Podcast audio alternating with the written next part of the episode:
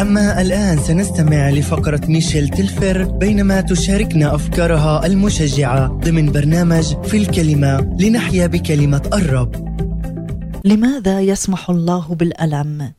لقد ذكرنا في الحلقة السابقة بأن الألم هو القاسم والعامل المشترك لدينا جميعا كبشر إلا أن مسبباته قد تختلف من شخص لآخر وأود أن أتحدث اليوم بعض الشيء عن مسببات الألم والتي قد تكون أحيانا كثيرة بدون أي تفسير وإنما صعوبات عشوائية تعترض مسيرة حياتنا.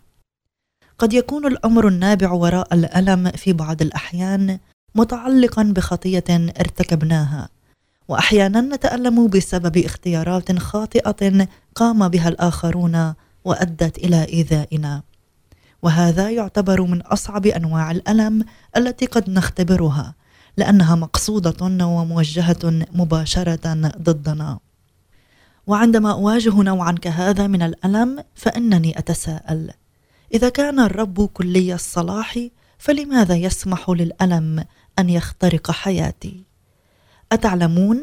يجب أن ننطلق في التفكير بموضوع الألم من هذه النقطة. لماذا منح الرب بالأساس حرية الاختيار للإنسان؟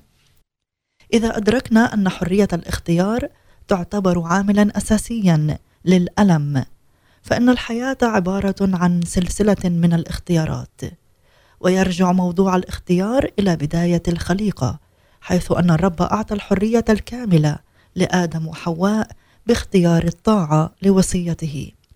وهذا دليل على محبته نحوهم ونحونا نحن أيضا. فالرب لم يخلقنا مسيرين لنأخذ مثالا يوضح هذا الأمر.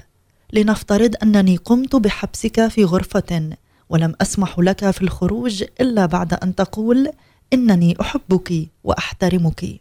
فإذا كنت تتدور جوعا ستضطر إلى قول ذلك من أجل أن تخرج وتتناول الطعام. ولن تكون هذه الكلمات نابعة من قلبك. لنفكر في الفترة التي كان بها شعب الرب مسبيا في بابل على يد نبوخذ نصر على سبيل المثال لقد كلمهم الرب قائلا لأني عرفت الأفكار التي أنا مفتكر بها عليكم يقول الرب. أفكار سلام لا شر. لأعطيكم آخرة ورجاء. فتدعونني وتذهبون وتصلون إلي فأسمع لكم وتطلبونني فتجدونني إذ كنتم تطلبونني بكل قلوبكم. أجل رغم السبي والحياة القاسية التي عانى منها الشعب إلا أنه استطاع أن يتمسك بهذا الوعد من الرب بأن هنالك آخرة ورجاء. وذات هذا الوعد لنا اليوم عندما نواجه تحديات وظروف قاسية. فإذا صلينا وطلبنا الرب فإنه سيسمع لنا وإذا طلبناه فإننا سنجده.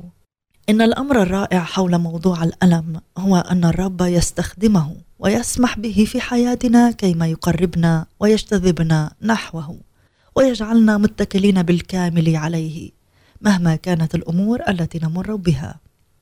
ومهما كان المسبب للألم لنا أن نتمتع بحرية الاختيار فنحن نختار ونقرر طريقة توجهنا نحو المشاكل والآلام.